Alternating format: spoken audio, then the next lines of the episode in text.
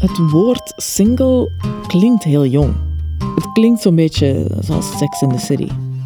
Maar de grootste groep singles in onze maatschappij is er een heel stuk ouder. Gerda van den Dries bijvoorbeeld. Zij gaat dit jaar met pensioen. En een paar jaar geleden liep haar relatie af en ineens was ze dus alleen.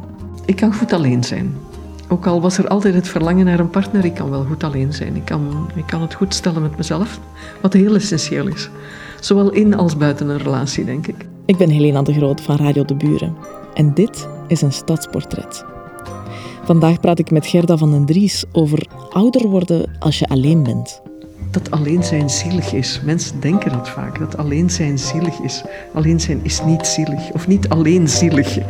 Zielig zijn we allemaal wel eens. Weet je, of je nu samenwoont of niet samenwoont. Je hebt van die dagen dat je zielig bent, iedereen. Dat heeft niks te maken met al dan niet alleen zijn. Zo, Helena. Oh, maar heb jij een mooie boekenkast. Ja, ja, dat is waar. En jij kunt de trein zien. Oh! En vooral, ik kan hem zien en niet horen. Dat is wat een hele fijne combinatie is. Toen ik haar vroeg of ze wel eens eenzaam was geweest, was het even stil. Mm, moeilijk. Eenzaam. Ik ben, niet, nog, ik ben nog niet zo vaak in mijn leven een. Ik denk dat ik het meest eenzaam was in relaties die niet goed zaten.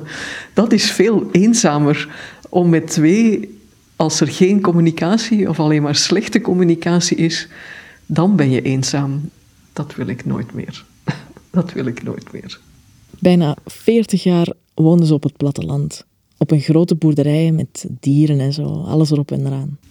Gek genoeg, gek genoeg, toen ik daar uh, echt op de boerenbuiten, ver weg van alles, in dat immense huis met die immense grond, alleen woonde, kinderen het huis uit, gigantisch huis alleen, toch heb ik mij daar nooit eenzaam gevoeld. Ik denk omdat ik daar nog meer verbonden was met de natuur of zo. Um, ik had nooit gedacht dat ik ooit naar Brussel zou terugkomen. Maar kijk, hier, hier sta ik toch terug.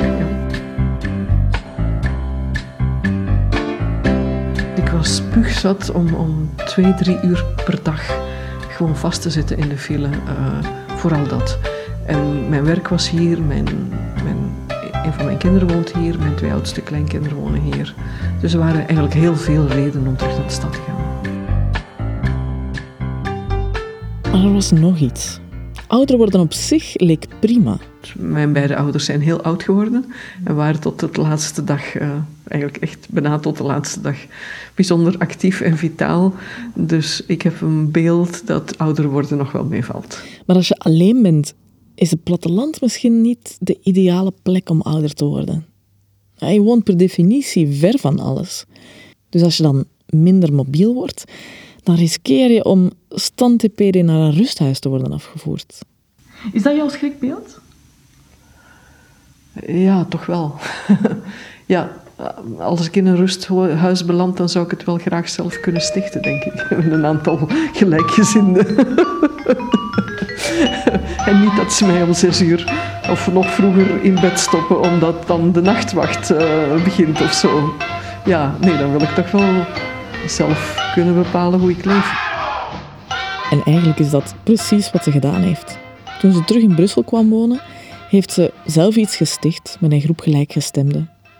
Alleen was het geen rusthuis, maar iets veel beters. Een co-housing project, Brutopia. Het klinkt best futuristisch, die naam. Ik zie meteen vliegende auto's en telepathische communicatie daarbij. Maar dat was zeker niet de bedoeling. Uh, nee, we zijn allemaal nogal nuchtere en pragmatische mensen. Het utopia was eerder van, gaat het ons lukken? Gaat het ons lukken?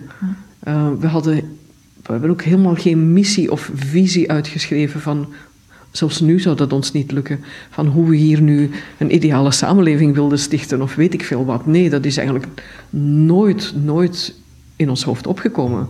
We wilden gewoon dat dit gebouw gebouwd werd. En gaandeweg, gaandeweg ja, is, is deze manier van samenleven gegroeid.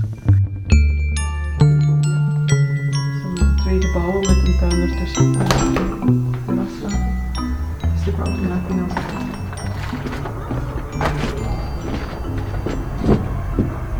29 appartementen met 55 volwassenen en 31 kinderen volgens de laatste telling. in ja. ja. Voor wonen was voor mij prioriteit dat ik een gevoel van ruimte had. Het is niet zo groot. Mijn appartement is 100 vierkante meter, maar ik wou wel het gevoel hebben dat het groot was. Dus vandaar dat je, je ziet het hier, er zijn uh, geen binnendeuren, behalve kastdeuren. Uh, alle, ik kan ruimtes afsluiten met schuifdeuren en plooideuren. Dus ik kan hier een uh, twee-kamer-appartement van maken. maar ehm, ja, alles staat open. En, dus je hebt een gevoel van ruimte en dat vind ik heel belangrijk. Voor de rest wou ik dat het heel flexibel was. Dat ik hier wel prettig alleen kon wonen als eventueel prettig in een koppel. Als dat er twintig mensen op bezoek kunnen komen en dat we hier een feestje kunnen brouwen. Ondertussen heeft Gerda ook weer een vriend. En dat lukt perfect. Ook als ze allebei een stuk ouder worden, is het appartement ideaal. Het appartement is zo ontworpen dat er hier toch wel makkelijk, denk ik, met een rolstoel valt rond te rijden. En beneden ook. Je kan beneden binnen met een rolstoel, je kan in de lift met een rolstoel. Uh, ik zou misschien hier en daar een deur moeten verbreden, maar zelfs niet, denk ik. Um, dus ik denk dat ik met heel weinig ingrepen al meteen ook in een rolstoel hier mijn plan kan trekken. Een van mijn bovenburen had haar been gebroken, heeft echt een paar weken in een rolstoel gezeten. Dus automatisch, eh, als je boodschappen ging doen, ging je even langs of even een telefoontje bij dit. Kan ik dingen voor jou meebrengen? Eh, ik heb vaak pannetjes soep bij haar eh, gebracht. Of, en dat gebeurde gewoon spontaan. Ik bedoel, er moet niet heel, niet heel veel georganiseerd worden. Als je echt, echt hulpbehoevend wordt, in de zin van dagelijks zorg nodig hebt, dan wordt het misschien wel moeilijk. Maar zelfs dan, er is thuisverpleging, er zijn maaltijden aan huis, er is poetshulp aan huis, je hebt buurhulp, je hebt familie, kinderen. En wij hebben hier het geluk, hier in Brutopia, aan de overkant is een lokaal dienstencentrum waar ze voor maaltijden zorgen voor ouderen, uh, administratieve hulp, uh, verzorging, wat weet ik allemaal. Dus ik moet maar de tuin uit oversteken of even een telefoontje doen. En, en daar is zelfs georganiseerde hulp.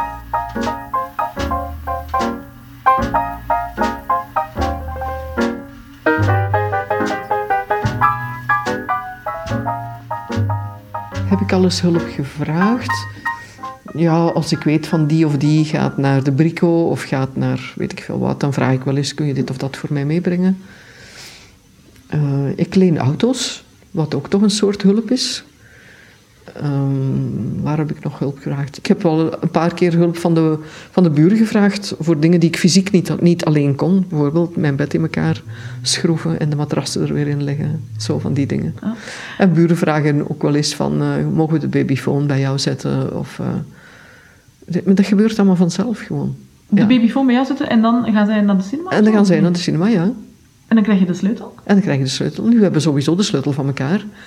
Ja. En hoeveel sleutels heb jij, behalve die van jezelf? Uh, drie, denk ik. ja, maar ik ben niet de enige. Hè. De meeste van ons hebben wel twee, drie sleutels. Maar dat wil niet zeggen dat ze de deur bij elkaar platlopen. Dus Kochhausen is niet een commune daar zijn nogal eens misverstanden over. Dat je dan van alles moet in de gemeenschap en dat je moet samen eten en moet samen dingen doen. Dat is helemaal niet zo. Je moet je deel van het werk voor de gemeenschap doen. Dat is twee keer per jaar poetsen, de gemeenschappelijke delen poetsen en twee keer per jaar de containers buiten zetten. En that's it.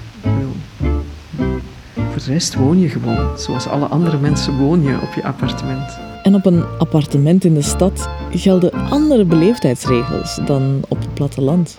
Op het platteland is het heel, on, daar in elk geval, waar ik woonde, is het heel onbeleefd om elkaar geen goede dag te zeggen op straat.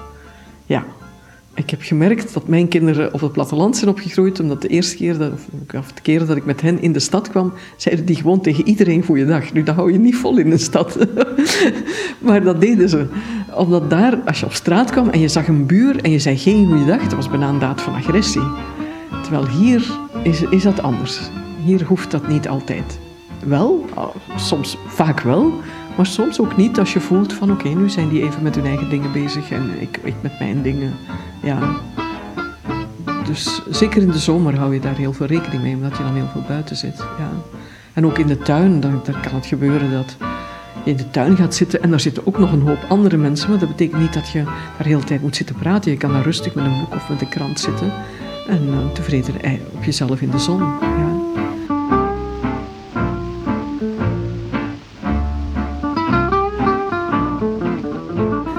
Kinderen leren dat. De kinderen, leren, de kinderen spelen hier uiteraard heel veel samen. Uh, lopen ook heel makkelijk bij elkaar binnen en buiten. Maar ook die hebben geleerd van oké, uh, nu niet of niet voor negen uur gaan aankloppen bij je vriendje. Of, uh, of het is niet omdat vriendje X of Y op het terras zit dat jij zomaar naar boven kan lopen. Dus oh, ze leren al spelenderwijs van op die manier met elkaar rekening te houden. En er is een, een vanzelfsprekend gevoel voor privacy. Je hebt gezien de terrassen hier, daar heb je weinig privacy. De terrassen liggen dicht bij elkaar. En je moet nu niet je meest intieme ontboezemingen op dat terras uh, gaan houden als je niet wil dat anderen dat horen of zien. Maar op een hele, ja, vanzelfsprekende manier, het is precies een woord dat ik dikwijls gebruik, kijk je niet zelfs als je op een terras zit en de buren daarnaast zitten ook op een terras. Ja, soms zeg je wel eens goeiedag als je blik elkaar kruist. Maar je kan net zo goed doen alsof je elkaar niet gezien hebt. En niet vanuit onvriendelijkheid, maar eerder van... Eh, ja, ik bewaak jouw, jouw privéruimte en ik bewaak die van mij.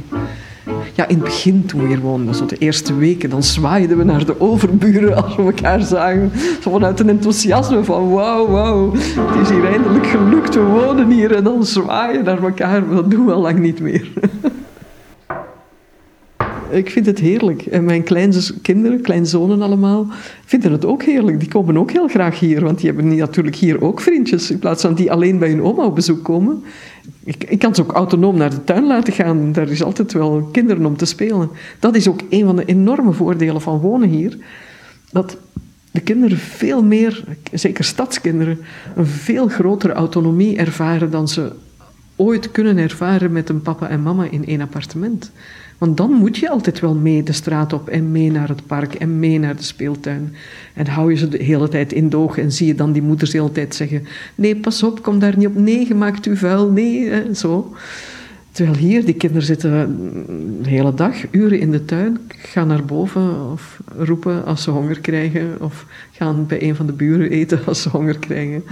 En, en de autonomie van die kleine kinderen, daar kan ik gefascineerd naar kijken.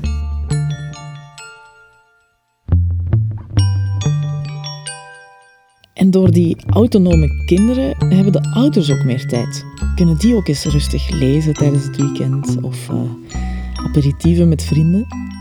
En het mooie is dat het wel lijkt alsof de mensen net omdat ze meer hun eigen ding kunnen doen, dan ook meer oog hebben voor anderen. De solidariteit tussen de buren in Brutopia ontstaat volledig spontaan. Zou dat daar als maatschappij misschien iets van kunnen leren? Dat geloof ik absoluut. En ik geloof daar ook heel erg in. in um, dat als mensen samenwerken, als mensen alleen al maar al contact met elkaar hebben, alleen al dat, en laat staan samenwerken en samen dingen delen, dat, dat de wereld gewoon echt er veel beter zou uitzien. Um, ja, dan, dan zie je, kijk, we zijn allemaal mensen en we behoren allemaal tot dezelfde mensheid en we bewonen allemaal die ene kostbare aarde. En ik denk hoe meer we daar bewust van zijn, hoe meer we ons daar kunnen naar gedragen. Zo'n pleidooi voor de stad. Dank je wel, Gerda.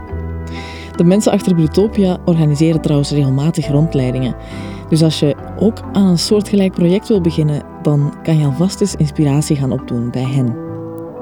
Dit stadsportret zit erop. Volgende week staat er weer een nieuw stadsportret klaar. Heel graag tot dan.